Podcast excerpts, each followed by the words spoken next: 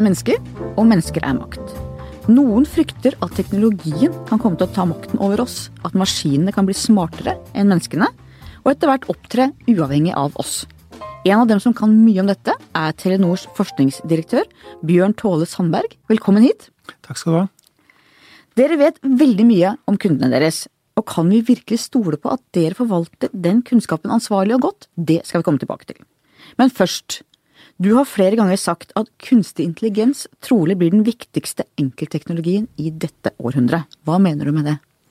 Med det mener jeg at uh, mer og mer av verden, uh, av arbeidsprosesser, av prosesser i samfunnet, av det som er rundt oss, blir digitalisert, eller blir synlig for, for datamaskiner. Gjennom tingenes internett, gjennom smarttelefoner osv. Så, så Så for første gang i historien så blir verden eh, tilgjengelig for programmer. Og det gjør det da mulig å bygge såkalte kunstige intelligenser. Det vil si programmer som gjør ting som vi mener krever intelligens. Eh, det er en veldig flytende definisjon, dette her. Eh, som gjør at vi kan bruke disse programmene i alle mulige settinger. Vi kan bruke det for, som vi allerede opplever, anbefale produkter og tjenester. Vi kan bruke det til å eh, produsere varer, roboter som står langs samlebåndet ikke sant, og, og, bygger ting. Vi kan bruke det til å kjøre biler. Vi kan bruke det til stort sett alt som er alt vi gjør, etter hvert. Fordi verden blir digitalisert. Og, og, og når du gjør det, når du legger intelligens inn i alt som kan automatiseres, så skjer det noe. Og, det er da kunstig intelligens som er drivkraften i den digitaliseringsutviklingen. For det, Jeg kjenner at det er både veldig abstrakt og veldig konkret på samme tid. Jeg syns det er utrolig vanskelig å få hodet mitt rundt hva det egentlig er. Hva kunstig intelligens egentlig er for noe. Det er ikke noe vi kan ta og føle på. Nei, det er riktig. Det, det kan du ikke. Uh, om du ikke programmerer en robot som er fysisk og du kan si, håndhelse med, og det er også mulig. Men da er det skallet? Da er det skallet. Det er helt riktig. Uh, det er litt analog til, eh, til, oss, hvordan vi fungerer. Du kan jo ikke se og ta på de prosessene som foregår inn i hjernen din. Men jeg har sett faktisk en menneskehjerne. Jeg var på Patologisk institutt heter det vel, for noen år siden sammen med en av de fremste hjerneforskerne, og han tok fram en menneskelig hjerne. Jeg har bilde av det på, på smartphonen min. Eh, hvor jeg så sto og så ned på eh, og tenkte hva, hvilket menneske har dette vært i? Er det her sjelen bor, tenkte jeg. Mm. Er det er det her kjernen i mennesket er? Så, så, jeg har jo på en måte sett en hjerne og nesten kunne ta på den, men det kan jeg ikke med den kunstige intelligensen. Men samtidig så er det som du sier, det som er inni den hjernen er jo borte, er jo abstrakt, og hva er egentlig det? Ja. Men vi kan jo ikke akkurat si at kunstig intelligent er en sjel. Uh, nei, du kan ikke si det. Uh, ikke i, i, dag, i hvert fall. Uh, det kan du ikke gjøre. Og så er jo det en, det er en interessant filosofisk problemstilling kan maskiner ha sjel? Og det er jo noe science fiction-forfattere har, har, jobbet med i mange år, for å si det sånn. Eh, vi er ikke der i dag. Veldig langt fra det i, i dag. Så, så, ja, du har helt rett. Det er, det er konkret, og det er abstrakt, abstrakt på, på, på, samme tid. Det er konkret i at vi allerede i dag har mange tjenester, mange eh, produkter der ute som er drevet av kunstig intelligens. Google, Google søk, er eh, verdens mest avanserte AI i dag. Men når jeg søker på Hvis jeg skal til San Francisco nå, det skal mhm. jeg snart, så får jeg plutselig opp Hvis jeg har søkt noe der, så får jeg jo helt vanvittig altfor mye annonser for forskjellige ting i San Francisco. og Det er litt mm. plagsomt tidvis, men det er jo da den kunstige intelligensen som tenker at nå er Hanne Skartveit veldig interessert i San Francisco. Helt riktig. Helt riktig. Det er, det er akkurat det som skjer. Men den kan bli litt, litt vel ivrig, da? Den, uh... den kan bli litt ivrig, og vi har vel alle irritert oss uh, over det. Så, så, så, det er konkret. Det abstrakte er jo at uh, dette er eh, programvare, altså det er eh, instruksjoner som en, en prosessor følger i en datamaskin. Eh, og hvor denne prosessoren, dette programmet, egentlig har blitt lært opp basert på eksempler fra den virkelige verden. Det er det abstrakte i det. Så det, er, det koker ned til matematikk og informatikk og programmer. Du har sammenlignet kunstig intelligensteknologien med elektrisiteten. Mm.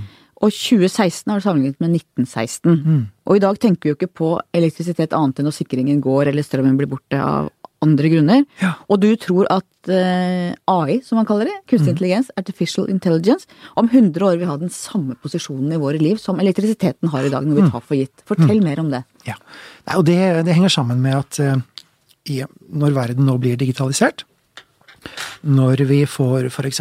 massiv utrulling av tingenes internett, hvor, hvor alt fra kjøleskapet til, til en, en, pakke med kylling i frysedisken blir koblet til internett. Hva er tingenes internett? Si det først. Tingenes internett er, um, det er et begrep, selvfølgelig, men det betyr i praksis at du har små, billige sensorer som kan måle temperatur, luftfuktighet eller hva det måtte være for noe, som uh, plasseres inn i en eller annen ting. Det kan være en, som jeg sa, det kan potensielt være en pakke med kylling i frysedisken, hvor du hele tiden måler temperaturen på den kyllingpakken og vet hvor den er i geografien. Eller det kan være eh, en, en modul som sitter i elektrisitetsmåleren i huset ditt, og, og, holder rede på når er det du bruker strøm, når er det mye, når er det lite, osv. Og, eh, og det er alle de sensorene som f.eks. sitter i bilen din. I bilen din i dag, har du en moderne bil, så er det hundrevis eller tusenvis av sensorer allerede, som snakker med mange prosessorer, som igjen kan være koblet opp til internett. Så når disse sensorene er koblet til internett og i sanntid rapporterer om uh, hva de måler, hva de ser, så, så, får vi da denne digitaliseringen av den fysiske verden. I enda større grad enn i dag. Det er allerede i gang, men vi får det i enda større grad enn i dag. Så når, uh, når, vi, når, vi, når hele den fysiske verden er synlig for AI-er, eller synlig for digitale prosesser, fordi de blir data, så har du muligheten til å trene opp AI-er på, på, nesten ja, alle mulige områder. Det som er spesielt med, med kunstig intelligens i dag, er at vi ikke eksplisitt programmerer en AI til å gjøre en jobb. Vi forteller den, vi gir den eksempler på hvordan verden fungerer, eksempler på sammenhenger i verden, og så lærer den fra de eksemplene, og kan etter hvert da tar slutninger og forutsier hva som kommer til å skje, basert på eksempler den ikke allerede har sett. Kan man kalle det digital målstyring? At den, en maskins mål kan være at jeg skal ha fersk melk i kjøleskapet, og så kan ja. den fikse hvordan den skal sørge for at jeg alltid har fersk melk i kjøleskapet? Mm, godt sagt. Absolutt. Det er det du kan gjøre. Så når man uh, greide å trene opp en, en, AI til å spille Go bedre enn verdensmesteren i, i, Go, dette asiatiske strategispillet, som er mer komplisert enn en sjakk, så gjorde man det ved å fortelle datamaskinen hvordan du vant men ikke hvordan den skulle vinne. Og så lærte den fra millioner og hundrevis av millioner av eksempler. Spilte mot seg selv, genererte eksempler og lærte av de eksemplene. Så, så når du da eh, har disse digitale prosessene i alle mulige sammenhenger i samfunnet, hvor når dataene er tilgjengelige, du kan trene opp AI-er, så kan du gjøre alle disse prosessene litt mer intelligente. AI-er er kunstig intelligent, ah, ja, intelligens. Ja, ja, du kan, riktig. Dingser eller tinger eller ja, Helt riktig. noe. Det er det. Eh, og, og, dette kommer da til å bli en del av det aller meste. Akkurat som elektrisitet i dag driver stort sett alle maskinene våre. Mikrofonene her. Mikrofon. Lyset her. Absolutt. Yes.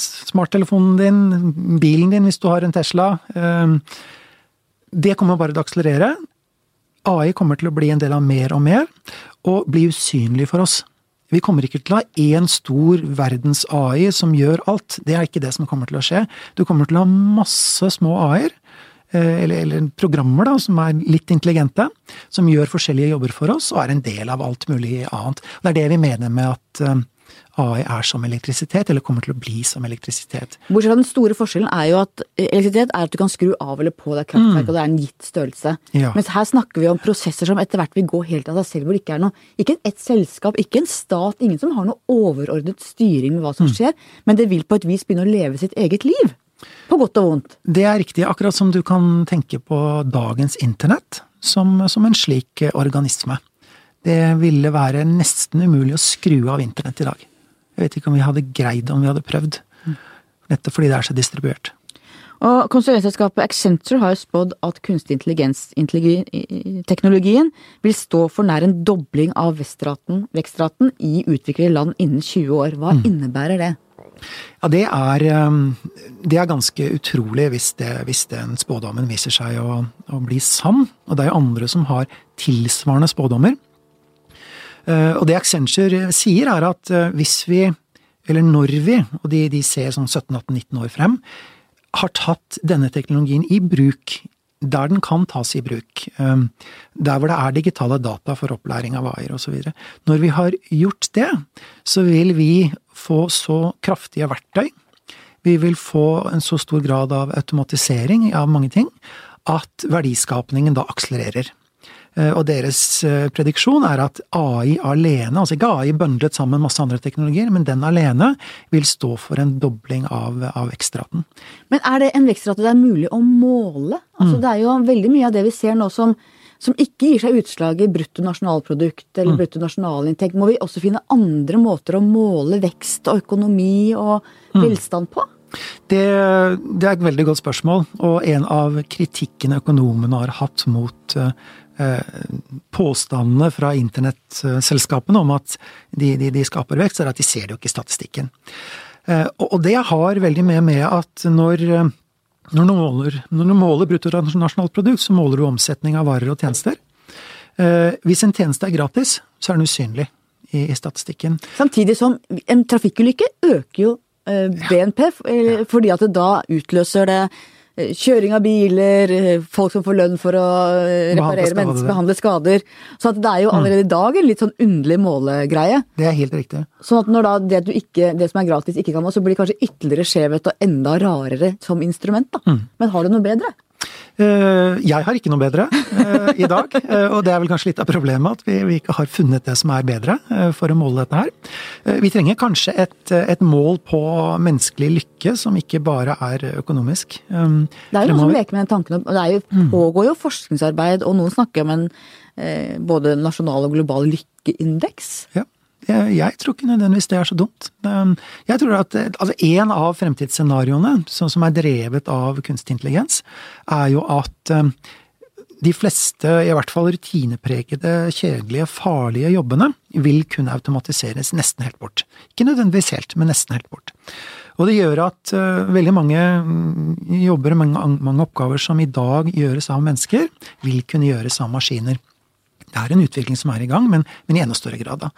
Og spørsmålet samtidig som verdiskapningen akselererer, så den totale verdien som skapes i verden, blir større enn når vi gjør jobbene.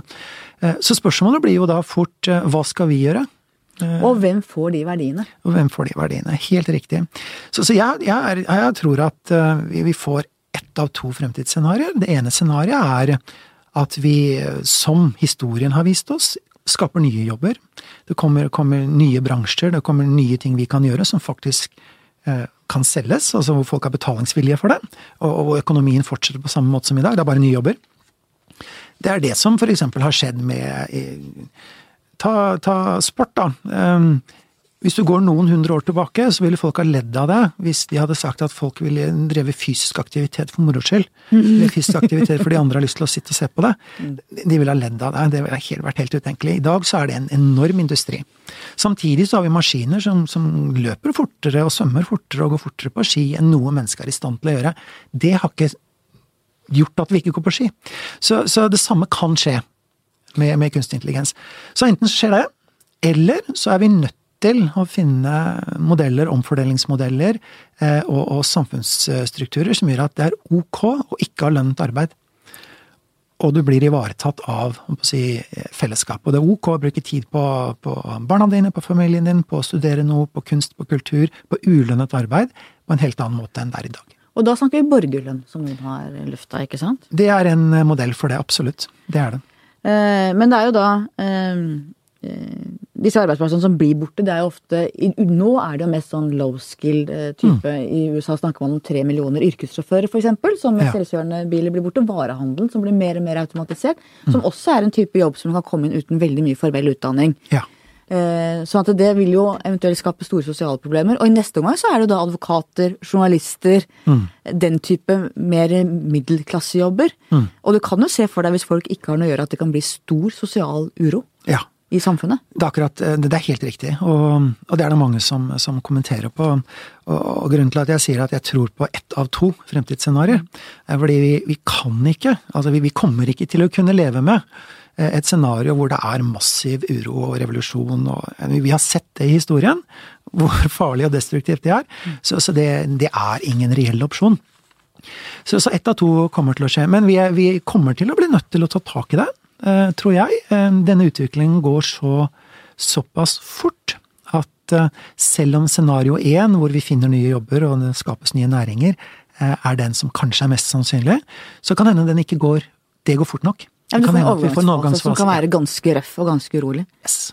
Jeg tenker jo at Norge er relativt godt skodd ved at vi har den norske modellen, at vi har Mm. en fordelingspolitikk som virker. At vi er kanskje blant de som kan klare det. Men Ja. det krever jo en fordelingspolitikk som er eh, kanskje enda råere og, Enn i dag. enn i dag, ja. Ja. Um, og så har vi dette som du også har vært opptatt av, og jeg har vært opptatt av med uh, de fire store. At du har liksom Amazon, Google, Facebook, Apple, som får De er jo, blir jo verdens største selskaper. De gamle store Exxon Mobile og sånn forsvinner jo helt ut. Hva betyr det? At det er, velferden eller velstanden blir sittende på så få? Ja. Nei, altså det, det er sannsynligvis ikke sustainable, for å bruke et, eh, et engelsk ord, eh, bærekraftig på sikt. At det er noen få som har, har så stor makt. Eh, Og, og vi må antagelig gjøre noe med det. Eh, Nå har jo, Dette er amerikanske selskaper, alle de eksemplene du kom opp med nå. Vi har også eksempler i Kina. På, på selskaper, Alibaba eksempel, som er i ferd med å bli like store, eller kanskje allerede er like store.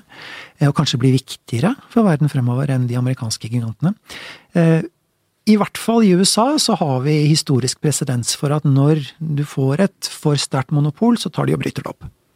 Da tar de tak i det. De gjør noe med det. Vi nærmer oss vel nesten det nå på noen felter, eller? Nå skal ikke jeg si om vi er der eller ikke når det gjelder Google, Apple og, og, og disse, men eh, på et punkt så kan vi komme dit. Definitivt. Um, og, og grunnen er jo at det er et, um, det er et slags naturlig monopol i, i AI-drevne tjenester.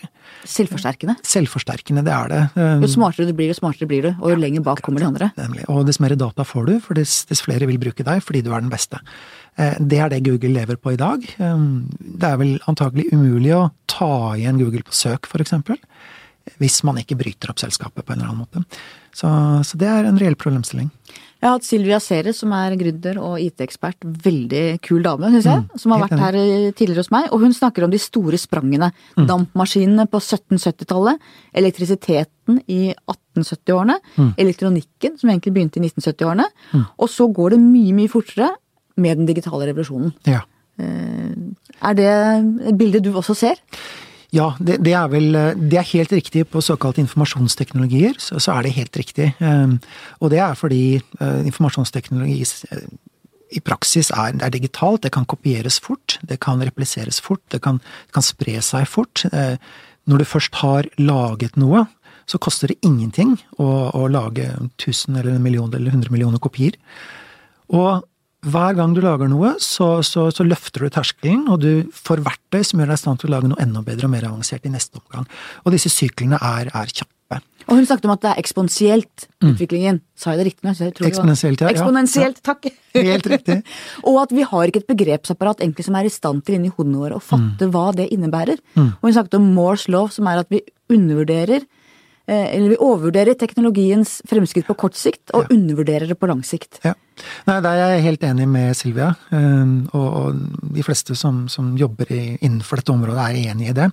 Uh, Ray Kurzweil sier jo at du kan strekke Moores law enda lenger tilbake i historien, og fremdeles være på en slik eksponentiell kurve, helt til vi hadde hullkortmaskiner, ikke sant, eller begynte med de første tellemaskinene. Så, så, så er det også sånn at Moores law er i ferd med å slippe opp for damp. Eh, Vi kan ikke med samme teknologien krympe transistorene så mye mer. Eh, Så vi må ha et paradigmeskifte. Vi må ha nye teknologier for å gi oss enda raskere rå datakraft. Men det er allerede i forskningsfronten, ikke sant. Eh, Kvantumdatamaskiner for eksempel er, er i horisonten. Man begynner å få de første chipene. Og hva betyr kvantum? Nå må du forklare. Det, det betyr at man, man går man bruker kvantemekanikk eh, i, eh, og bygger maskiner som utnytter det at, at en, et partikkel kan være to steder på samme tid, f.eks. Kan ha to tilstander på samme tid. Eh, og som gjør at du kan eh, få en sånn eh, tigangeren eller hundregangeren økning i eh, kapasitet, i hastighet. Eh, Det er jo forutsatt at den dagen vi har en, en kvantumdatamaskin som f.eks. Uh, har eh, ikke bare to og fire og seks kvanter, som man kaller det, ikke bits som kvanter, men, men 32 og 64, så vil dagens krypteringsalgoritmer kunne knekkes med råkraft. Um, alt vi har av datasikkerhet vil være under threat. Dette er mind-blowing. Jeg bare kjenner jeg får helt sånn um, Og hva skjer da? Nei, altså det, det, det skjer egentlig ikke noe mer enn det som allerede er i gang. At vi, det er et trinn til i denne eksponentielle utviklingen. Et stort trinn, men et trinn til. Um, så, så, så det betyr jo egentlig bare at vi, vi, vi har ikke sett slutten på den eksponentielle utviklingen innenfor informasjonsteknologi og innenfor datateknologi. Eh, Det har vi ikke. Allerede på slutten av 1980-tallet, mens du holdt på med hovedfag, ønsket du å studere kunstig intelligens, og ble forsiktig rådet til å velge noe annet. Eh, På slutten av 80-tallet var også jeg student, jeg var på jussen i Oslo, jeg ante jo ikke hva kunstig intelligens var, jeg tror aldri jeg hadde hørt om det. Men hva var det med deg som gjorde at du så, var så det mange vil kalle litt sånn kjekt framme i skoa den gangen? Uh, ja. Um, det var fordi jeg, jeg er vel en av de opprinnelige geekene. Um, jeg fikk min første programmerbare kalkulator da jeg var tolv år. Og da begynte jeg å programmere, eh, og, ble totalt fascinert. Og da snakker vi 1978. Da snakker vi 1978.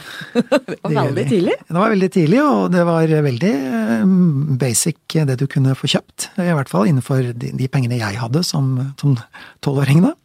Eh, Og da hadde jeg en, en kalkulator som hadde 256 byte minne. Hvor du da kunne skrive veldig enkle programmer, og det var utrolig fascinerende. Jeg må spørre hva drev foreldrene dine med? Eh, Ja, på det tidspunktet Min far døde det året. Han døde da jeg var tolv. Eh, Han var eh, sjømann. Dro til sjøs da han var 15 og jobbet seg opp og ble maskinsjef. Chief. Seilte da i veldig mange år før han gikk i land og fikk oss og så Og min mor jobbet i Fikk Als denne muskelsvinnsykdommen? Nei, nei han, han døde av slag, faktisk. Ja. Så, så det var plutselig.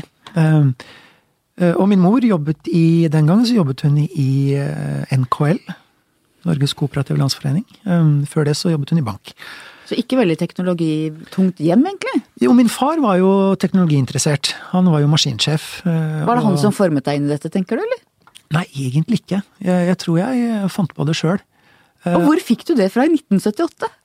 Nei, du, det vet jeg ikke. Jeg vet egentlig ikke. Det var bare Jeg var god i matte. øh, Det var morsomt.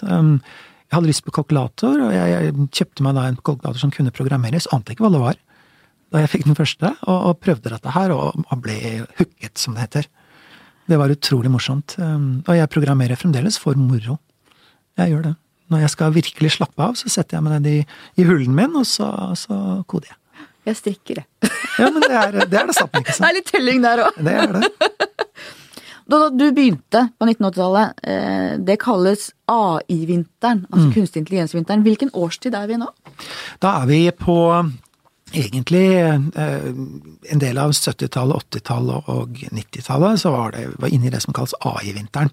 Og grunnen er at vi eh, AI ble egentlig Begrepet ble definert på en konferanse, jeg tror det var tilbake i 1956, i USA, i Dartmouth. Hvor da, man da samlet eh, 300 av verdens eh, fremste forskere innenfor matematikk og statistikk og computer science og, kunstig intelligens, eller det det var den gangen. da for å i løpet av en sommer definere og løse kunstig intelligens. Og det man kom ut med, var en, en, en, et begrep, og man kom ut med en, en plan, og man trodde at innen veldig kort tid, fordi datamaskinene allerede begynte å bli kraftige, ikke sant, eh, kom til å, å ha løst det, og har bygd en kunstig intelligens. Og det var, som i dag, utrolig mye hype rundt dette på det tidspunktet. Og så, så greide man ikke det. Man, man, hadde noen tidlige suksesser, som enkle sjakkspillende da, programmer og enkle programmer som kunne løse teoremer eller bevise teoremer. Uh, men så stoppet det. Man greide ikke å gjøre ting som for mennesker er utrolig enkelt, sånn som å gjenkjenne et ansikt. Ble de sett på som litt koko, de folka, eller? Ja, de ble nok det. Eller ikke med en gang. For dette var uh, den tidens ledende akademikere. Det var folk som hadde ekstrem respekt for. Det var datidens fremste automatikere osv. Men etter hvert som dette feltet da ikke leverte på de ekstremt uh, høye løftene, så ble det diskreditert. Og, og det ble egentlig litt opplest og vedtatt at uh, hvis du var akademiker og, og, gikk på en karriere innenfor AI, så, så, var det selvmord. Det var akademisk selvmord. det ble det litt feltet for science fiction-forfatteren istedenfor? Ja, det ble egentlig det. Og slik var det i veldig mange år. Um, dere har bygget et kunstig intelligenslaboratorium på NTNU i Trondheim. Fortell om det. Hva og hvorfor? Ja. Um, det er noe vi syns er utrolig spennende, selvfølgelig. Um, og det kom, uh, kom, fordi Sigmund Brekke, som er konsernsjef i Telenor, spurte oss i forskningsavdelingen om forslag ting til initiativer Telenor kunne ta for å bidra til digitaliseringen av Norge. Altså ikke av Telenor, men av, av Norge. Og klart, hvis Norge digitaliseres, så, så hjelper det jo Telenor òg, det er ikke det, men, men fokuset var Norge. Og, og, og, vi gjorde da en jobb på det, og konkluderte med at det var egentlig to ting vi skulle gjøre. Det ene var å få på plass et, et nasjonalt senter for kunstig intelligens hvor vi kunne eh, spore til mer forskning, mer utdanning, mer nyskapning. Eh, nyskapning, knoppskyting av bedrifter osv. Og, så og tingenes internett. De to tingene, også fordi de henger sammen. Tingenes internett lager data som man kan bruke til å trene AI-er. ikke sant? Så det var, det var bakgrunnen, og så likte Sigve det forslaget. Han, eh, jeg tror han skjønte det ganske fort, at dette her, dette kunne være bra. Og eh, valgte å investere 50 millioner over noen år på, på dette senteret. Eh, og annonserte det da i fjor. Um, og nå er det, nå er det i gang. Nå, jeg har fremdeles ikke fått professoren. Det tar tid å ansette en professor. det Skal gjøres ordentlig. Skal det være fra Norge, eller skal det være ute i verden? Jeg tror de søker internasjonalt. NTNU, som, eh, som Dette er jo en gave til NTNU. Selv om Telenor er engasjert i senteret, så er det en gave til NTNU, og NTNU står for, for styringen av det. Eh, og de, eh, de, søker bredt. De vil at dette skal være et nasjonalt kraftsenter. Eh, det skal være de beste hjernene man kan få tak i. Norske og internasjonale i senteret. Så om det lander på en norsk eller en, en utenlandsk professor, det vet jeg ikke. Du er opptatt av etikken rundt bruken av kunstig intelligens. Hva tenker du rundt å være de største etiske utfordringene? Mm. I, I, dag så er det klart personvern, eller beskyttelse av eh, personlige data. AI trenger data for, for, å bli trent opp. Eh, så det å behandle enkeltindividers data på en forsvarlig måte, det er, det er ett problem, eh, og det er det mye fokus på. Så er det problemer utover det, eller utfordringer utover det. Dagens AI-er, de AI-ene som f.eks. kan kjøre, kjøre førerløse biler, de som, som hjelper deg å søke på Google, de blir bygget med noe som kalles for nevrale nettverk. Og det er enkle modeller av hvordan hjernen er bygget opp, og nevronene våre snakker med hverandre. De er i dag i praksis sorte bokser. Vi vet, vi kan ikke spørre et nevralt nettverk hvorfor anbefalte du det du anbefalte, og få et fornuftig svar. For ingen kan det? Nei, ingen kan det. Vi, det teoretisk så er vi ikke i stand til å gjøre det.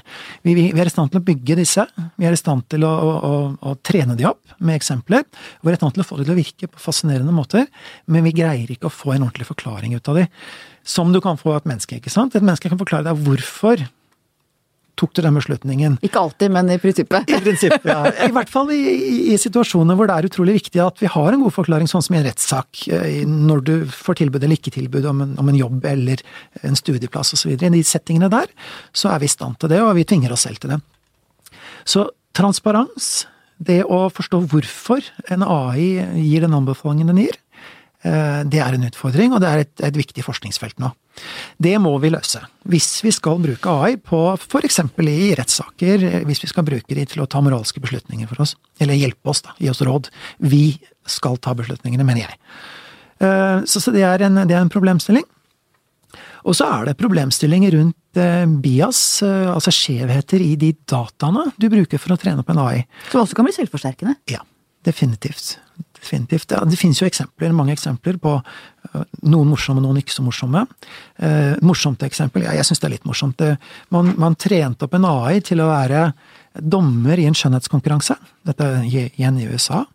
Og, og den eh, når den da ble brukt til å gi stemmer i, en, i konkurranser etter at den var trent opp, så, så ga den aldri stemmer til afroamerikanske kvinner. Ja, For det var så få av dem i konkurransen, eller? Det var så få av de i treningsdataene. Så den hadde konkludert at i 90 et eller annet prosent av tilfellene så var det kaukasiske, altså hvite, etnisk hvite kvinner, som var vakre. Ingen andre var vakre. Og det er jo det er, det er en bias som, som, kommer med treningsdataene. Så hvis du ikke er klar over biaser som kan ligge i dataene dine, så kan du få en AI som, som tar gale beslutninger i neste omgang. Så det er dagens etiske utfordringer. Og selv om du da ikke kan vite hvorfor den gjør det. Ja. For du kan ikke spørre. Nemlig. Så har du da Google-direktør Ray Kurzweil som har spådd at vi innen 2045, det er ikke så lenge til, vil lage en kunstig intelligens på nivå med et menneske. Mm en såkalt AGI, som jeg antar står for Artificial General Intelligence. En mm. kunstig generell intelligens. Ja, han sier det. Tror du på det? Um, han er faktisk enda mer, uh, mer bullish. Eller på, på, Aftenpostens teknologikonferanse nå i oktober, så, så sa han uh, 29. 2029. Uh, han tror det, og det er noen rundt han som, som tror det. Og, og, han tror det fordi han fremskriver denne eksponentielle utviklingen. Og så er det mange andre i, i feltet som, som, sier at du kan ikke nødvendigvis fremskrive dagens teknologi eh, med, med, raskere datamaskiner og større modeller og slike ting, og få AGI. Vil en sånn AGI i så fall ha en egen bevissthet? Altså tenke selv, så å si? Sannsynligvis ikke. Vi, eller vi vet ikke. Um, I dag så, så, vet vi jo egentlig ikke hvorfor vi er selvbevisste. Vi har ingen god modell på, på hva det er. Um, og det er mange teorier om det, men vi har ingen god modell på det. Så, så det, det, er ren spekulasjon om vi vil greie å bygge en AGI som er selvbevisst. Jeg tror vel at uh, Altså, hvis du ikke Hvis du ikke postulerer at vi er selvbevisste fordi vi f.eks. har en, en, sjel som gjør oss selvbevisste, og at det er noe som er utenfor hjernen, eh, så er det vanskelig å tro at det ikke er teknisk mulig å bygge selvbevissthet. Eh, vi snakket om da vi møttes, Første gang vi mm. møttes, så snakket vi om eh, boka til han Harari, 'Homo ja. Deus'. Mm. Og hans, noe av det han sier, er at homodeus, homo deus, altså mennesket som Gud Noe av det han sier, er at hvis vi gjør maskinene smartere enn oss, så kan vi ikke vite hva som skjer der, for da er de faktisk smartere enn oss, og det har mm. ikke vi hoder til å fatte. Mm. Det er nok riktig. Det er nok riktig. Og det gir noen perspektiver som jeg kjenner jeg får sug i magen av. Hva ja. tenker du om det? Uh, jeg tenker at det i hvert fall teoretisk er helt riktig. vi vi kan jo ta sammenligne, ta sammenligne mellom mennesker og, og maur. En maur har nok antagelig store problemer med å forstå hvordan vi agerer, hvorfor vi agerer som vi gjør, hvordan vi tenker, hvorfor vi tar de beslutningene vi tar. Um, hvis, du, hvis, du, greier å bygge en superintelligens, så er den per definisjon da ja, super, superintelligent. Så mye smartere enn oss at det er vanskelig for oss å forstå den. Uh, så det tror jeg nok er riktig. Nå er det også sånn at uh, det er vi som vil komme til å bygge denne superintelligensen, hvis den noen gang blir bygget. Ja, så sier jo du også at vi vet jo ikke hva som er de svarte boksene, vi vet ikke hvorfor de gjør som de gjør. Det er riktig. Eh, samtidig så sier jeg at det er, eh, det er et utrolig aktivt forskningsfelt. Og vi er klar over eh, problemstillingen. Og det er langt fram. Så vi har muligheten til å finne måter å kontrollere disse AGI-ene, hvis de noen gang blir bygget, på. Vi har tid til å finne ut av hvordan vi skal gjøre det. Um, og jeg er mindre redd for veldig intelligente maskiner enn nesten intelligente maskiner. Nesten intelligente maskiner vil ta dumme valg. De vil, si, hvis du bygger en, og det gjør de jo allerede, bygger en AI inn i våpen, så vil de angripe feil person for eksempel. Um, mens en ordentlig smart AI vil ikke gjøre det. Men du forutsetter jo da at i de forskningsmiljøene mm. og alle de som jobber med dette og utvikler dette, mm. har en etisk standard og har gode intensjoner. Og sånn er jo ikke verden. Sånn, det er riktig. Verden er ikke slik. Um, jeg vet ikke om du trenger å forutsette det. Jeg trenger, du, trenger å forutsette en selvoppholdelsesdrift. Så hvis vi At vi ønsker å overleve som ja. menneskehet? Og det tror jeg alle, selv om de er uenige med oss politisk, eller, eller de, de, er terrorister eller hva de nå er for noe, de har selvoppholdelsesdrift til en viss grad. De ønsker et annet verdensbilde, men de, de ønsker et verdensbilde hvor de har kontroll. Og, og, det å gi bort den kontrollen til en, en maskin, det tror jeg ingen ønsker seg. Harari sier også at, eh, at, hvis vi ser på hvordan vi behandler dyra, som vi ser på som lavere, mm. eh, lavere verdi egentlig enn oss, mm så må vi tenke, reflektere over hvordan vi da, hvis vi lager en kunstig intelligens som er smartere enn oss og har en mm. bevissthet, hvordan vil de behandle oss? Mm. Nei, og det er jo en del av utfordringen. Um, og, når vi nå snakker om å, finne måter å kontrollere uh, ordentlig smarte maskiner på, så, betyr det nok i praksis å finne måter å gi de moral. Og få, gi de et verdenssyn som, som stemmer overens med, med vårt verdenssyn. Um, jeg tror det er nødvendig. Steve Hawkins blant annet, og flere andre av de mm. virkelig hyper-hyperintelligente i denne verden vår, mm. har jo advart og sagt at menneskeheten kan bli overtatt av maskiner. De er særlig opptatt med våpen, som du snakket om, ja. som kan ta egne valg og selv bestemme når og hvor de skal fyre av, ikke sant? Mm. Eh, har de et poeng, eller er de bare litt eh, overintelligente, overnevrotiske? Nei, altså de har, eh, som sagt, Teoretisk sett så har, de, så har de et poeng. Nå tror jeg det er veldig langt fram til vi ja, står overfor problemstillingen. og vi er klar over det når vi forsker på det, så, så jeg er ikke så redd for at det kommer til å bli så ille. Men eh, de har, de har, selvfølgelig et poeng. Nå har vi våpen i dag som, eh, som tar de beslutningene selv. Vi har eh, Kongsberg lager antiskip, altså sånn missiler som angriper marinefartøyer, hvor de kan fortelle missilet hvilket marinefartøy de skal angripe. Og når missilet kommer fram, så bestemmer det selv om det fartøyet faktisk er det det ser angriper eller ikke angriper. Så missilet tar beslutningen der og da. De får ikke beskjed fra en, en, en menneskelig operatør. Sånn. Så vi, på, på, noen områder så er vi allerede, er vi allerede der. Og, og, jeg tror at vi, vi må sørge for at uh, disse, disse, maskinene blir så smarte at de ikke tar feil beslutninger. Jeg tror ikke vi kommer til å unngå at de tar beslutninger. Alle i Norge er egentlig for små alene. Telenor, Skipsted. Jeg hadde tidligere Telenor-direktør Hilde Tonne her, mm. og hun snakket om eh, behovet for utradisjonelle samarbeid. Mm. Vi har for eksempel VIPS, som nå har blitt enerådende på norske marked for at Danske Bank legger ned sin mobilapp, ikke sant, og har ja. samlet veldig mange av de store bankene. Må alle store tenke nytt, fordi de er mindre enn sitt eget selvbilde i dagens verden. Ja, øh, ja jeg tror, og, og, og, da kan jeg vel egentlig snakke for Telenor også, at samarbeid blir utrolig viktig fremover.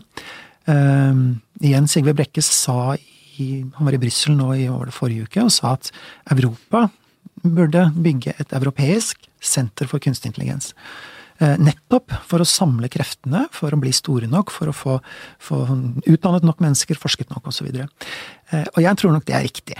Um, min personlige private uh, ambisjon eller håp er jo at den AI-laben vi har satt i gang i, i Trondheim, kommer til å, å vokse og bli ikke bare kanskje et nasjonalt kraftsentrum, eh, hvor mange er med, men, eh, men, et europeisk og kanskje et internasjonalt eh, kraftsentrum.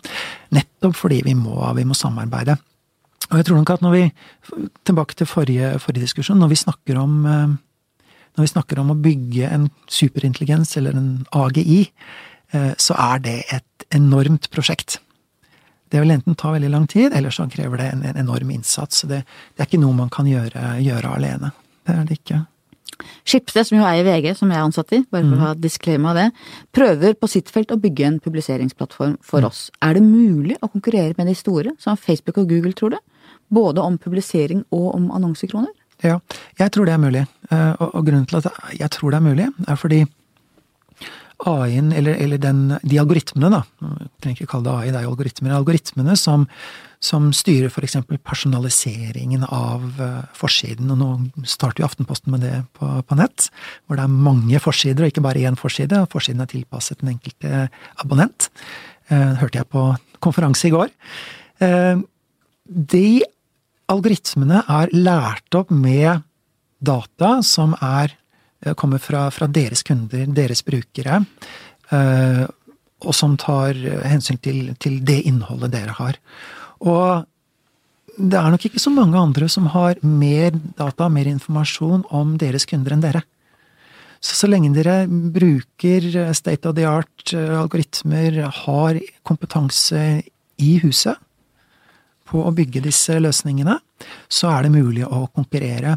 Eh, jeg pleier å si at eh, hvis man skal lykkes innenfor kunstig intelligens, så må man lete etter områder hvor dataene enten så vidt har begynt å flytte, og hvor det ikke er noen som har tatt dette monopolet, eller så må du finne områder hvor du har unike, egne proprietære data. Og det er det dere har, på mange måter. Så du tenker at det er håp for uh... Ja, jeg tror, er, jeg tror, det er, mulig å, å konkurrere. Ikke enkelt, men jeg tror det er mulig. Jeg håper veldig at du har rett i det, altså. Du har spurt om vi er i ferd med å nå et metningspunkt for sosiale medier. Mm. Vil folk i fremtiden, tror du, logge mer av? Det er mulig det er fordi jeg begynner å bli voksen, at jeg, jeg føler det sånn selv. Men sosiale medier kan stjele veldig mye tid. Og vi, vi prøver å følge med på, på, det, på den trenden og se om vi, vi, kan fange opp, og synes at vi ser noen tegn til, til det vi kaller for social media fatigue. At folk begynner å bli slitne.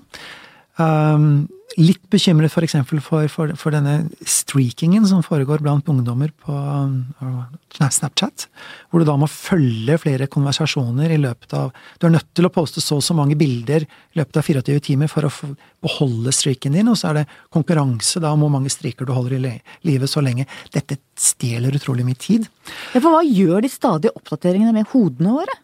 De uh, avbryter oss, de ødelegger konsentrasjonen vår, uh, og det er nok ganske avhengighetsskapende. For det, det, gir deg et sånt lite Når du får mange likes på en post, så, så kan det gi deg et dopaminkick. Rent fysiologisk? Ikke sant? rent fysiologisk. Det gir deg et dopaminkick. Og det er litt avhengighetsskapende, akkurat som sjokolade er det for meg, og alkohol er det for noen. Og, og, vi mister jo også de små eh, tenksomme pausene mm. på trikken eller om ute og går. At det alltid mm. skjer noe. Ja. Jeg tenker det er noe med det å kunne fordøye eh, og ta inn ting, som vi også mister på et vis. Da det gjør nok noe med Evnen til å reflektere ja. over tid, ja.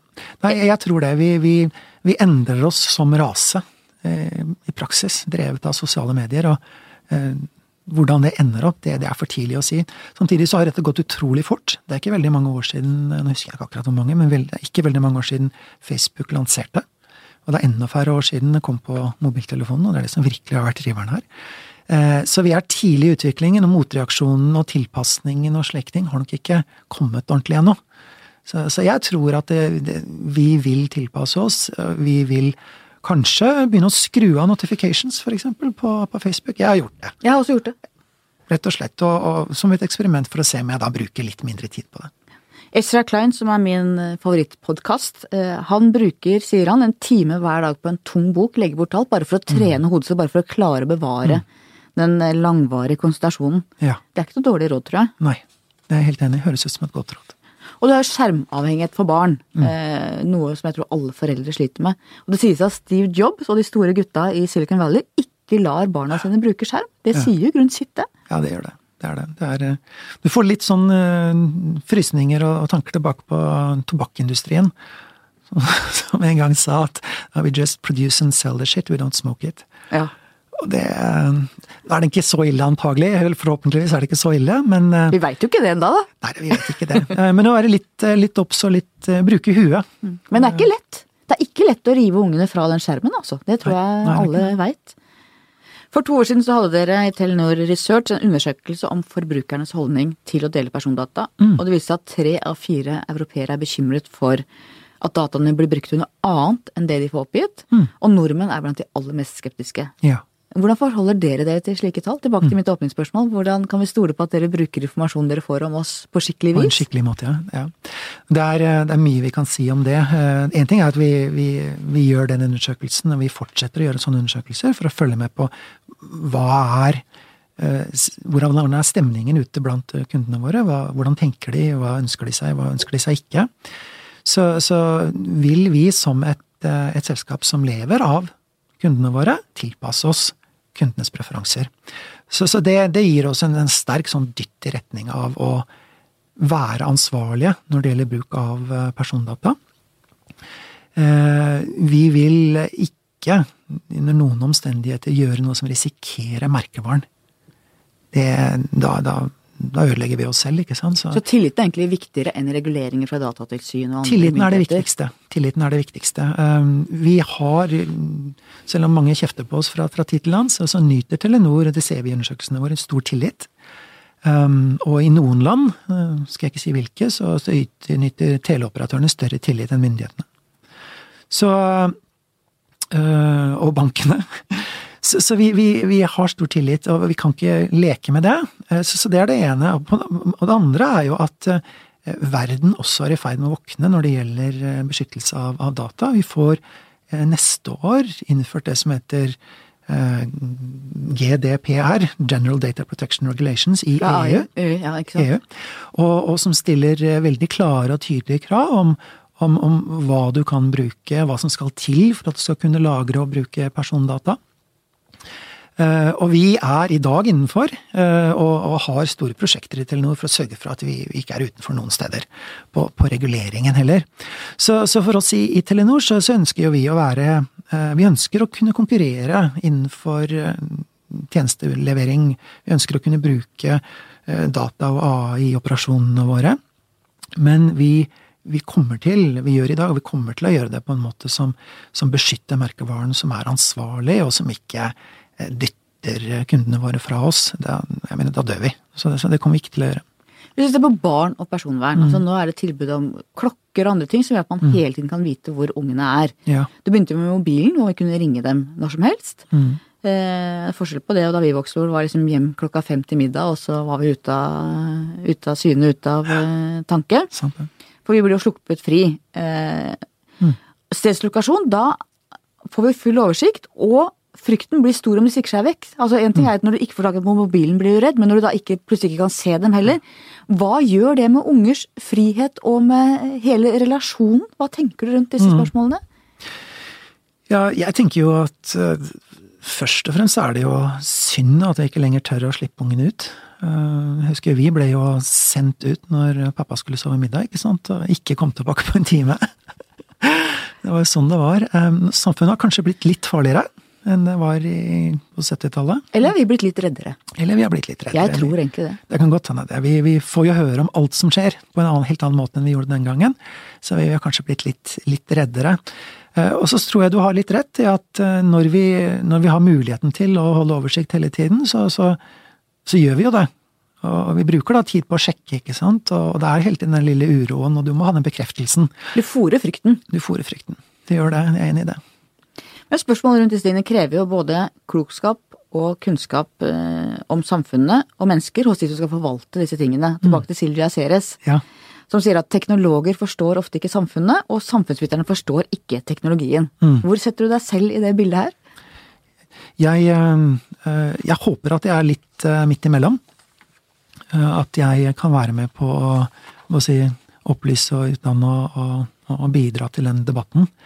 Eh, samtidig som, eh, fordi jeg syns det er utrolig spennende, har satt meg inn i teknologien og, og kode litt på egen hånd og slike ting. Samfunnsorientert nerd? Ja, jeg har blitt samfunnsorientert. Det, det, det, er riktig, det. Jeg var nok ikke det når jeg var tolv år. det er ikke så mange tolvåringer som er det.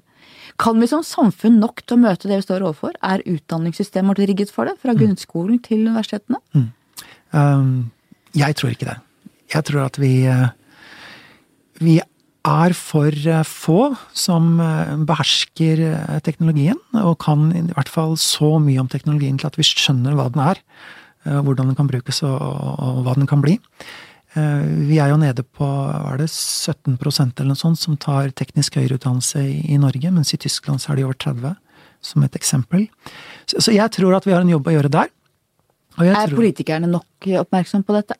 Jeg tror nok de er oppmerksom på det. Nok? Det kan Jeg skal være veldig forsiktig med å, være politisk, men jeg, jeg, tror nok at eh, i hvert fall i, i retorikken så, så er, de, er, de, veldig klar over at vi, vi ligger bak, at uh, mer realfag er viktig, at uh, kanskje sko, koding i skolen er viktig. Men så er det også La meg ta et eksempel. Jeg, jeg hørte et, et, veldig interessant foredrag fra to amerikanske forskere som forsket på utdanning for dette er noen måneder siden. Og de sa at eh, Og de hadde jobbet lenge med å prøve å få koding inn i skolen, i det amerikanske skoleverket. Og de sa at den største utfordringen deres var at eh, alle de som drev utdanningssystemet eh, eller for de som drev utdanningssystemet, dvs. Si lærere og, rektorer osv., så, videre, så var dette gresk.